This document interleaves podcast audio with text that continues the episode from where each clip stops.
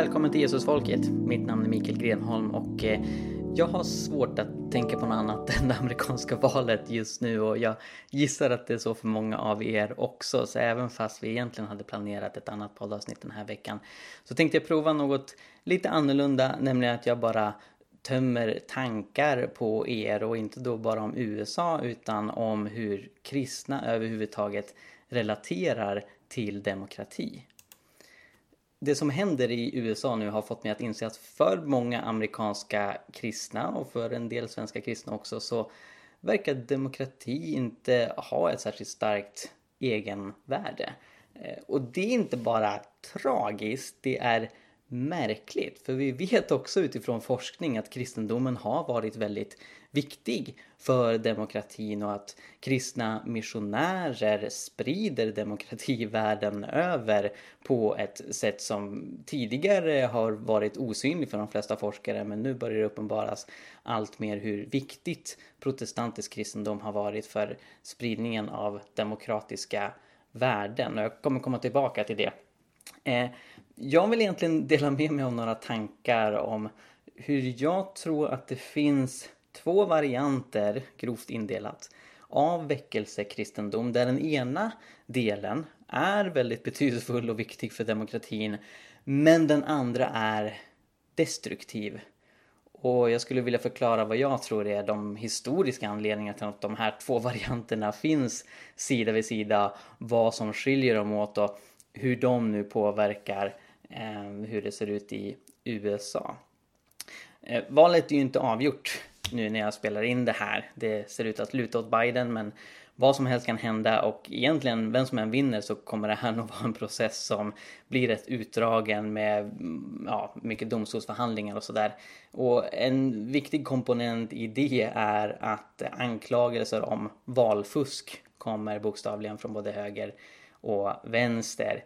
En del av de anklagelserna är väldigt grundlösa. Till exempel så spreds det en bild på nätet om att Biden skulle ha fått eh, över 100 000 röster från eh, tomma intet utan att Trump fick en enda av de rösterna som räknades. Det visade sig vara ett eh, misstag från, från ett av eh, medieinstituten som bevakar valet som de sen raderade men liksom bilden lever sitt eget liv. Men sen så har det kommit lite oroande rapporter från olika lokala håll med anklagelser om, om valfusk och manipuleringar av valresultat och så vidare. Och det ska förstås tas på allvar och granskas därför att oavsett vem man hejar på så är det inte okej okay med valfusk.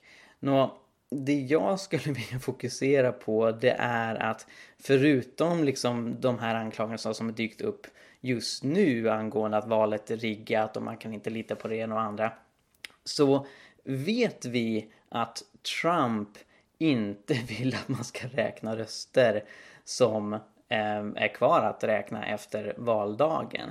Och vi vet detta utifrån att han öppet har sagt det och även skrivit det på Twitter.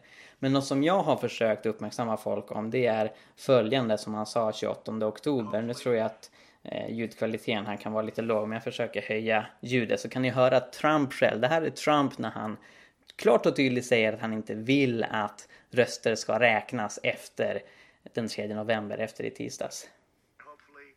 The few states remaining that want to take a lot of time after November 3rd to count ballots that won't be allowed by the various courts because as you know we're in courts on that. We just had a big victory yesterday in Wisconsin on that matter. Så, så det Trump säger att han vill driva till domstolar att röster inte ska räknas. Han säger det, count. Så rösterna ska inte räknas efter den 3 november. Och det är utifrån det ljuset som man ska se att han nu har claimat delstater som, där, där det fortfarande inte i, i nuvarande stund har räknats klart. Men Trump säger att han claimar dem inför Eh, elektoriet eh, som, som sina delstater. Och det här är uppenbart odemokratiskt. Även de som hyllar Trump upp till skyarna och tycker att hans politik är superfantastisk borde kunna se att det här beteendet är oacceptabelt därför att det är odemokratiskt. Han argumenterar uttryckligen för att röster som har lagts i det amerikanska presidentvalet inte ska räknas. Det är odemokratiskt. Men jag ser inte särskilt mycket fördömanden av detta beteende annat än de som, som är kritiska till Trump politiskt. Och jag följer ju mycket eh, kristna kanaler och kristna ledare och så vidare och det är knappt någon av amerikanska kristna som stöder Trump som uppmärksammar detta som något dåligt. Och det här är ju absolut inte det första Trump gör som är auktoritärt, som ifrågasätter demokratiska institutioner, som förskönar eh, dik diktatur eller förskönar ett, ett auktoritärt ledarskap. Eh, och det är väldigt tydligt att för många kristna så är det okej, okay. alltså man köper det. Det, det förtjänar inte allt för mycket kritik för man tycker om Trumps politik. Och det som vita evangelikala som är den kristna grupp som stöder Trump till allra största del uppskattar med Trump, det är inte bara abort och Israel. Utan de uppskattar att han skär ner på invandringen. Eh, och inte bara skär ner utan fullständigt kapar asylinvandringen till knappt någonting. Jag tror det är 0,02 procent av världens flyktingar som USA tar emot nu under Trumps ledarskap. De uppskattar att han inte engagerar sig för klimatet. För det här är en väljargrupp som, som i högre utsträckning än resten av USAs befolkning Förlåt, jag måste dricka vatten. De, de tycker i högre utsträckning att, att USA inte har något som helst ansvar att ta emot flyktingar. Och det är också den grupp i USA som till största andel anser att klimatet inte är någonting att bekymra sig över. Så, så det finns mycket som, som eh, de gillar Trump för. Och då verkar det som att en hel del tycker ja men det är väl okej okay, eller det går bra att han uttrycker sig så här odemokratiskt. En hel del tänker säkert att det är bara retorik, det är bara saker han säger och inget som han faktiskt kommer verkställa. Medan andra tänker säkert att okej, okay, det är kanske något som han verkställer, men det vore ju bra. det var ju flera på ett eh, Trump-rally eh, nu bara för några dagar sedan som skrek 12 more years, 12 more years. Där de då tycker att han ska sitta fyra mandatperioder istället för två. Eh, och alltså grejen är det tycks mig som att demokrati för många av USAs kristna är ett medel som kan användas för att sprida kristna värderingar, för att liksom göra USA eller världen till en trygg plats för kristna. Men det är inget egenvärde i sig själv, det är inget mål. Så om en politiker som är citationstecken bra för kristna må uttrycka sig auktoritärt, må uttrycka sig odemokratiskt, inte vilja att alla röster i ett demokratiskt val ska räknas till exempel. Då är det fine. Man köper det.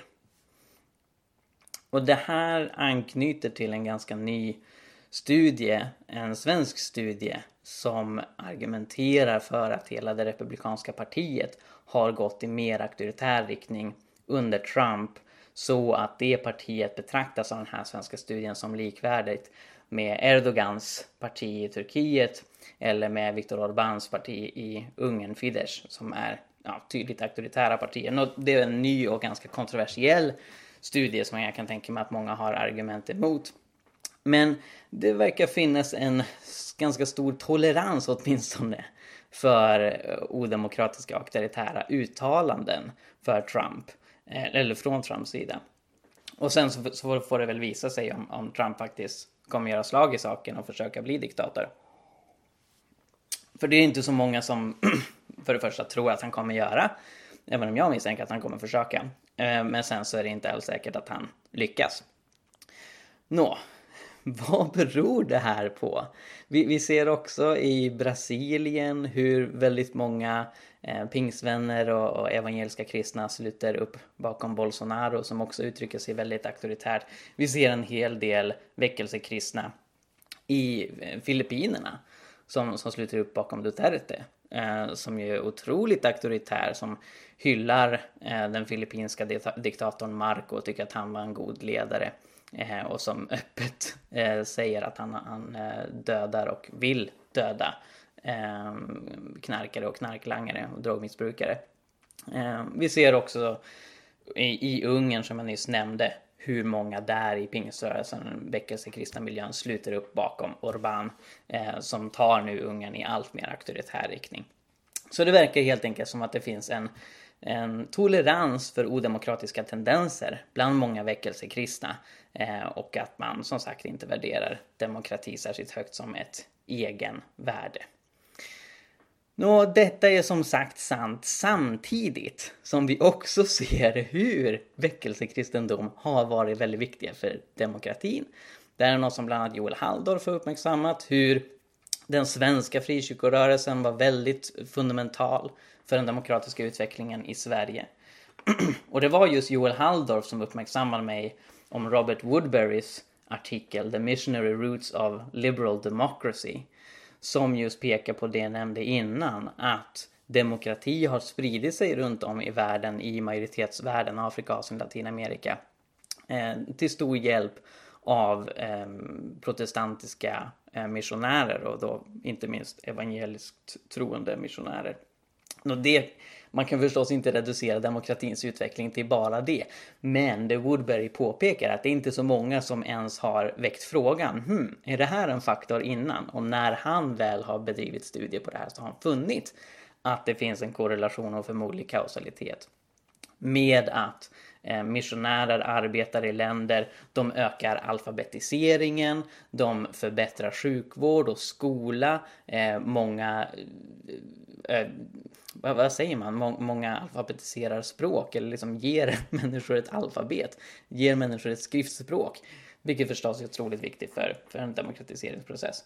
Nej men så det, det finns en hel del som pekar på att ja, men kristendom har varit väldigt viktig för demokratisk utveckling. Så hur ska man förstå just att väckelsekristendom samtidigt kan vara så otroligt nonchalant till demokrati samtidigt som den också har varit väldigt fundamental och viktig för demokratins spridning. Jag har nyligen läst ut boken Love Your Enemies av Lisa Cahill. Eh, och det är en av de absolut bästa böckerna som jag har läst när det gäller eh, pacifism och våld inom kristen tradition, läran om rättfärdigt krig kontra icke-våldsteologi. Eh, hon går igenom egentligen hur det kristna tänkandet har utvecklats kring det här. Den tidiga kyrkan fram till ungefär 300-talet var till övervägande del pacifistisk och vägrade delta i strid. Men sen efter Konstantin, den kristna kejsaren, eh, så utvecklades läran om det rättfärdiga kriget av Augustinus.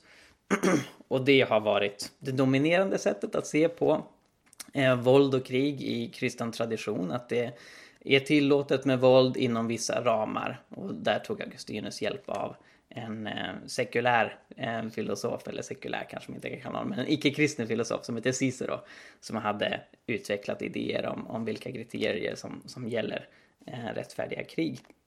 Och det har sedan spridits vidare i katolsk tradition och plockats upp av, av lutherdom och kalvinism.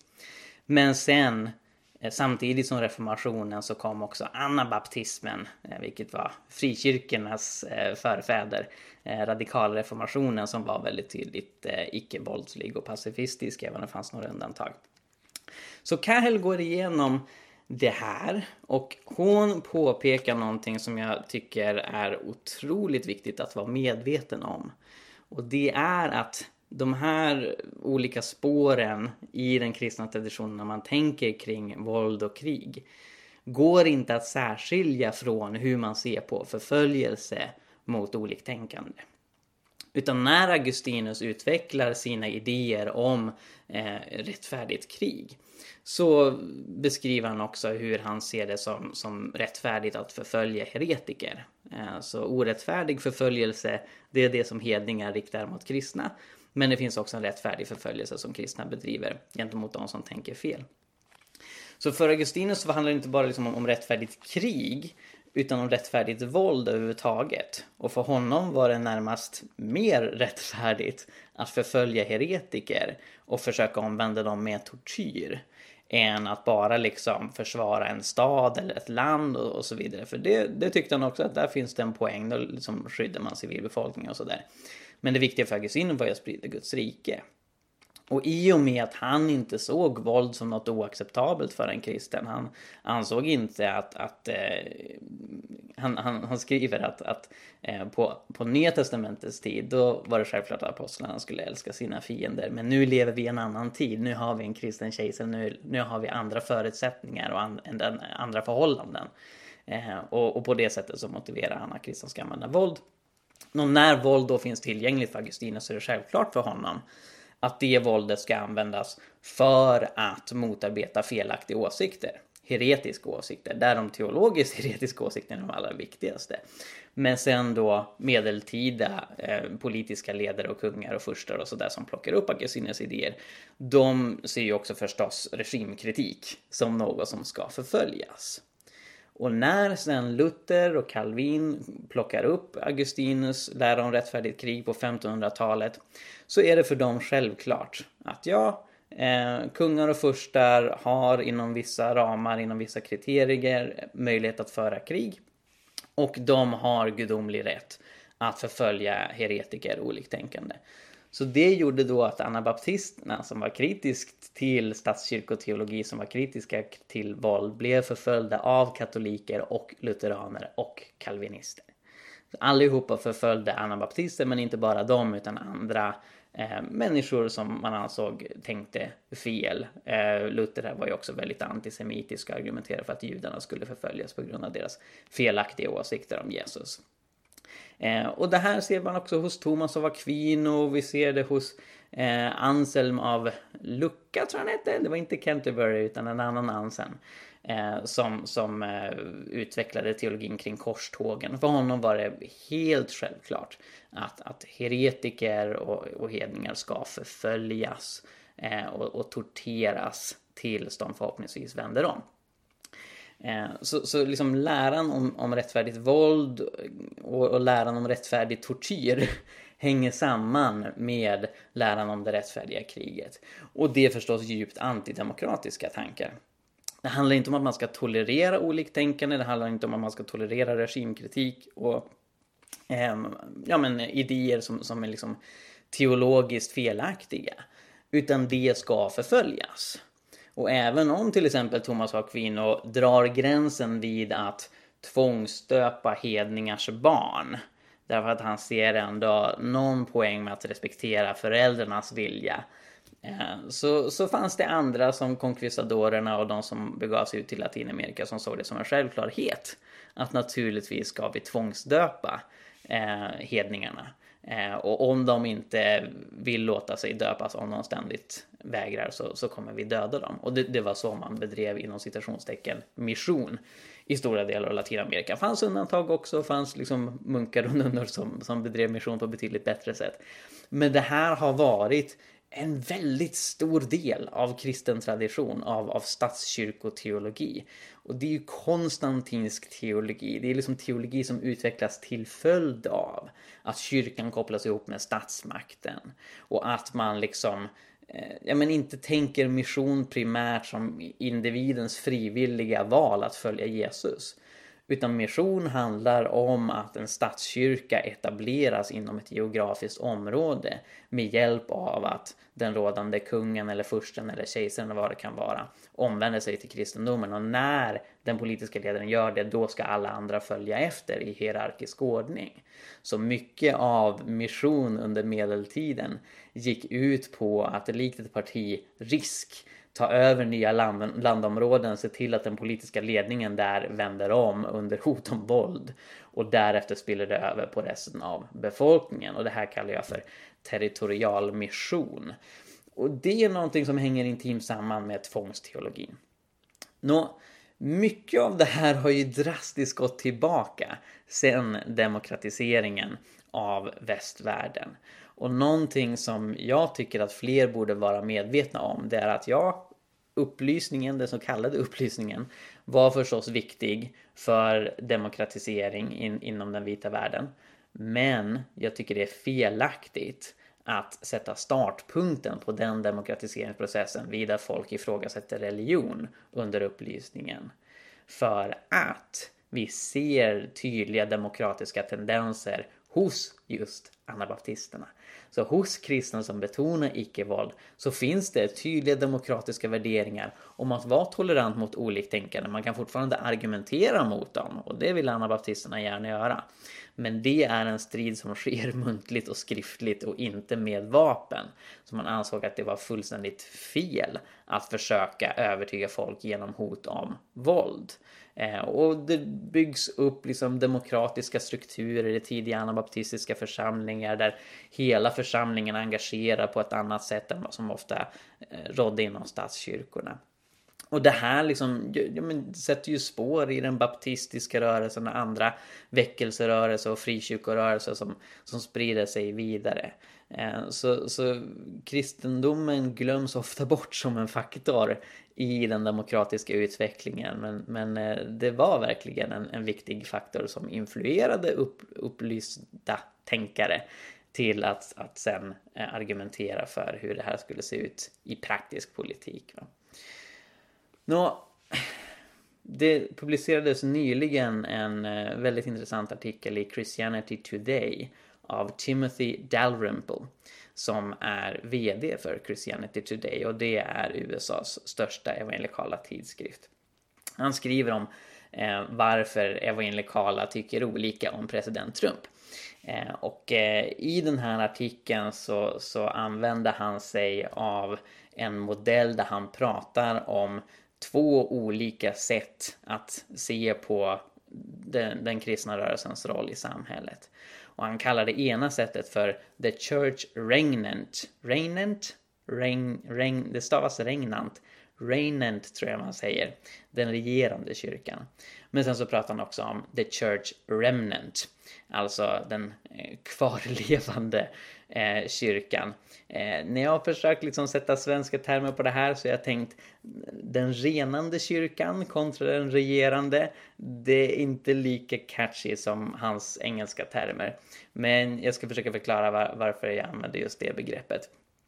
Det här faller egentligen in i, i det som jag har beskrivit här med hjälp av Cahill och min övriga kyrkohistoriska kunskap.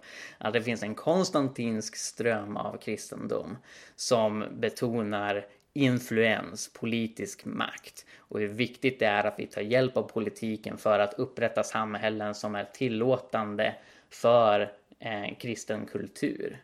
Eh, och det, det är en ström av kristendom som eh, ja, men går i linje med det Augustinus och Calvin och Luther tänkte sig. Och I och med att anabaptismen haft stora segrar eh, i, i det sekulära samhället, eh, i och med att vi har blivit mer demokratiska, eh, till följd skulle jag säga av, av anabaptismens eh, idéer som sen sprider sig vidare även i icke-kristna sammanhang, eh, så är det förstås ingen idag som argumenterar för att vi ska tortera folk tills de ändrar åsikt. Samtidigt så ser vi bland USAs vita amerikaner, alltså de som till största del stöttade Trump i det här valet och tidigare val, eh, så är toleransen för tortyr mycket större än i resten av befolkningen. Eh, så, så det finns fortfarande liksom tendenser av att våld är okej. Okay. Det är ett medel som kan uppfylla ganska många mål, fler mål än vad de flesta skulle tänka sig här i Sverige. Så den här regerande kyrkan, den konstantinska strömmen, kan man då sätta i kontrast till en tradition av den renande kyrkan där det inte är influens utan snarare integritet som är det viktiga. Där man inte vill binda samman kyrkan med staten eller en politisk ideologi av rädsla för att makt korrumperar och för att det kristna budskapet kommer kraftigt förändras. Eh, och, och, på grund av det så medan man kan ha åsikter och recensera den politiska makten och tycka att det ena är bättre än det andra när det gäller politiska förslag så ställer man sig väldigt kritiskt till just tanken att vi ska som kyrka ta över makten och använda den politiska makten för att skapa en slags safe zone för eh, kristendomen. Och, och enligt den här tankegången som är väldigt tydligt anabaptistisk och, och påminner också väldigt mycket om, om eh, den allra tidigaste kyrkan under de första 300 åren. Eh, så, så ser man ett mindre problem med förföljelse mot kyrkan. Man tycker förstås att det är något tragiskt och inte något som man vill ska ske. Men om vår integritet köps till priset av att bli, vi blir förföljda och förtryckta och, och placerade i underläge, då är det värt det. Därför det är ändå något som Jesus kallar oss till. Medan den regerande kyrkan vill undvika förföljelse, förtryck och motstånd till varje pris till den mån att man till och med kompromissar med en hel del av sina värderingar för att få igenom andra politiska förslag för att skydda sig själva. Och jag tror att liksom när, när ni hör detta så känner ni igen paralleller från hur den amerikanska debatten ser ut. Eh, nå, jag, jag, tycker det här är en ganska hjälpsam uppdelning. Det är förstås en grov uppdelning av väckelsekristna. Men det, det hjälper till att förstå liksom varför det finns så fundamentala skillnader mellan kristna som har samma bibelsyn, som alla tycker att bibeln är Guds ord, som alla vill leva enligt bibeln. För vissa så, så, som är mer i den konstantinska traditionen, den regerande traditionen, eh, så, så är det betydligt tydligare influenser från gamla testamentet, eller att man upphöjer gamla testamentet mer medan den mer profetiska renande kyrkan eh, betonar Nya Testamentet.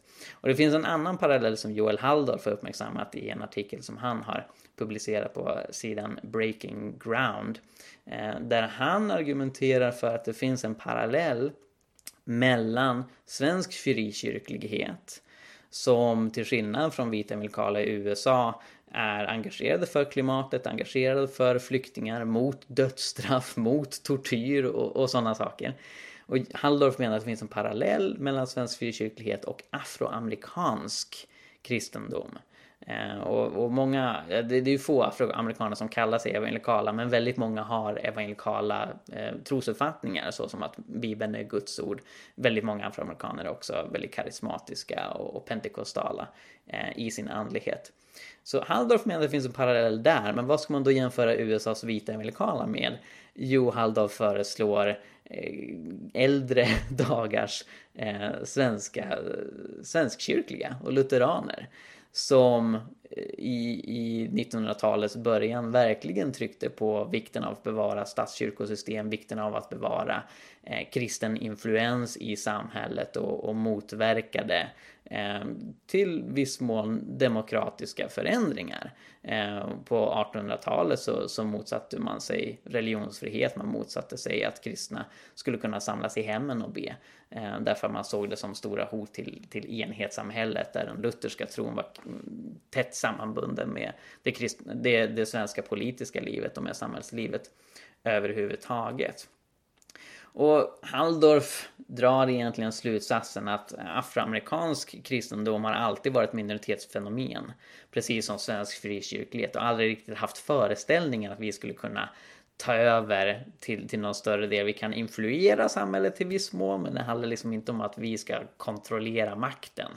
Och då så, så blir man mer av the church remnant, den renande kyrkan som värderar sin integritet och sina värderingar högre än att vi ska kompromissa på politikens planhalva för att få makt och sen liksom på längre sikt skapa ett samhälle där vi kan leva tryggare. Medan vita evangelikala i USA Eh, då har en starkare känsla av att vi är the moral majority, att eh, vi, vi är de som har dominerat och ska dominera det amerikanska livet. Och nu när trenden går i en annan riktning och eh, det är mängder med människor som, som lämnar den vita amerikanska rörelsen, i synnerhet unga, och sen är det förstås det äldre gardet som går hem till Jesus och, och så blir man färre. Den, den evangelikala rörelsen eh, minskar ganska kraftigt i USA. Det ökar desperationen vilket gör att, att man till större grad kan vända sig till en, en person som är så pass auktoritär och problematisk som Donald Trump. Eh, och det är en aspekt av det hela. Jag skulle också vilja lyfta en annan aspekt och jag har skrivit lite om det här i en artikel som jag skickat till sändaren som förmodligen kommer publiceras eh, någon dag framöver här. Eh, och en annan aspekt av det här det är att medan afroamerikansk kristendom i USA knappt är influerad av kalvinism överhuvudtaget och knappt lutherdom heller, utan det är framförallt baptism och, och pingströrelse. Så det, det är de riktigt stora delarna eh, anglikansk kristendom till viss mån, men, men mycket är liksom baptistisk och pentekostal spiritualitet eh, bland afroamerikaner. Så när det gäller vita amerikaner så har kalvinismen varit väldigt viktig. i USA. Eh, och inte bara liksom i de rent kalvinistiska samfunden själva, utan Schofields Reference Bible har varit otroligt inflytelserik. Eh, vilket skrevs av en dispensationalistisk snubbe som heter Schofield, som också är tydligt influerad av kalvinismen. Eh, och, och kalvinismen är ett kapitel i sig själv. Vi i Sverige har ju dålig koll på den, för kalvinism finns ju knappt här, även om en, en del har blivit influerade av amerikanska predikanter och adopterat en kalvinistisk teologi. Eh, men i grund och botten så, så finns den här tvångsteologin eh, representerad där. Eh, det, det, finns ja, odemokratiska och till och med antidemokratiska tankar i den traditionen. Inte enbart förstås, det är förstås en mångfaldig rörelse och kalvinismen har ju influerats av anabaptistiska idéer precis som alla andra kristna strömningar har. Men i grund och botten så liksom just betoningen på ah, uh, dubbel predestination, att Gud väljer ut vilka som blir frälsta och vilka som inte blir det det har man, alltså det, det, finns studier på att, att det bidrog till en betydande del till apartheid i Sydafrika. Där eh, kalvinistisk kristendom var, var en av de största eh, förgreningarna, kristna förgreningarna bland vita boer. Och, och, och det eh, ja, men tycks ha influerat att man stödde apartheid. Så, så det, det, det finns ja, men ett problem med den teologin helt enkelt och det är en faktor som kan influera som vi inte har i Sverige på samma sätt. Även om förstås svenska frikyrkliga är tydligt influerade av lutherdomen och många frikyrkliga skulle peka på Luther när man försöker härleda eh, sin, sina teologiska rötter trots att det var anabaptisterna som var frikyrkliga som Luther avskydde och Luther ville döda dem. Om Luther levde idag då hade han förföljt pingst och IFK och försökt bränna ner deras kyrkor hur mycket som helst. Eh, så Luther var inte demokrat, Calvin var inte demokrat. Och det betyder inte att man ska kasta ut barnen med badvattnet, det finns saker att lära av dem också. Man behöver vara medveten om att de här antidemokratiska tendenserna funnits där. Och vi har ju inte kommit så pass långt. Alltså jag skulle inte säga att vita evangelikala i USA är antidemokrater. Men det jag tycker mig se är att man inte värderar demokrati särskilt högt. Och, och, och, att man använder väldigt mycket av dubbla måttstockar. Man liksom har demokratiska argument när det gynnar en själv. Så man pratar om valfusk och att det går odemokratiskt till när det tycks gynna den andra sidan. Men när ens egen planhalva och ens, och ens egen presidentkandidat säger odemokratiska saker, då bryr man sig inte. Och, och, och, de dubbla måttstockarna, det finns väldigt många exempel på det, det är ju sånt som också gör att väldigt många unga idag, 60% av, av eh, millennials, alltså unga vuxna i USA, anser att hyckleri är det som främst kännetecknar kyrkan. Vilket är otroligt tragiskt, för är det något Jesus varnar oss för så är det hyckleri. Så jag tror att det är sånt som, som liksom, ja, påverkar det här och jag hoppas förstås att den profetiska, renande, anabaptistiska, eh, originalkarismatiska versionen av kristendomen som vi ser hos de allra tidigaste kristna och hos de tidiga kyrkofäderna, Origenes och Tertullianus och Justinus martyren. Eh, och förstås i Nya Testamentet själv det är ju den kristendomen som behövs. Den är demokratisk. Den värderar miljö och fred och rättvisa och har alltid gjort det. Den har liksom inte hämtat de idéerna från något annat sammanhang utan om man går tillbaka i historien så ser man att kristna argumenterar för fred och rättvisa redan på 100-talet och 200-talet och de förenar det med en stark tro på Bibeln som Guds ord, med en stark tro på Andens gåvor, med en stark tro på att vi ska evangelisera och missionera världen ut det är den kristendomstyp som vi eh, behöver stärka och, och, värdera och enas kring. Eh, och jag tror att eh, ja, men den, den mer konstantinska traditionen, även om den är stark och kommer säkert fortsätta ploppa upp i olika eh, uttryck i, i, olika sammanhang och möjligtvis även stärkas här i Sverige framöver, vem vet med liksom den kristna SD-rörelsen. Så även om den finns så håller den inte så mycket i längden. Den, den håller sig uppe med hjälp av politisk makt, men när den väl förlorar det, när vita amerikala inte längre kommer vara ett viktigt väljarblock i USA, vilket förmodligen kommer att ske inom de närmsta 10-20 åren, så kommer politikerna inte bry sig om den. Och då kommer vi amerikala få en identitetskris i USA och förhoppningsvis närma sig sina svarta kristna bröder och systrar och värdera sin integritet och värdera att, att inte kompromissa bort sina värderingar i högre utsträckning än vad man gör idag. Det var några av mina tankar angående USA-valet och, och kristnas eh, relation till det. Eh, hoppas att ni har lärt er någonting och om ni har någon fråga så är det bara att säga till. Tack så mycket och Gud välsigne er.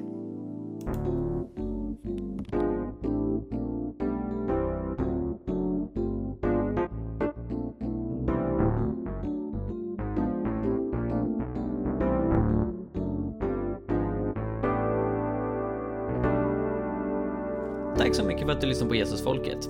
Om du vill höra mer så se till att prenumerera på iTunes, Spotify eller valfri podcastapp. Du kan också lämna en recension, vilket är en eh, liten grej att göra som hjälper oss väldigt, väldigt mycket, så det uppskattar vi verkligen. Ehm, du kan också läsa vår blogg, Hela Pingsten. Vi har mängder med artiklar där om andens gåvor, evangelisation, fred, rättvisa och allt möjligt annat som har med lärjungaskap att göra, så kolla in det. Och vi finns på sociala medier, du kan följa både Jesusfolket och hela pingsten på till exempel Facebook. Tack så mycket, Gud välsigne dig och eh, fortsätt vara en del av Jesusfolket.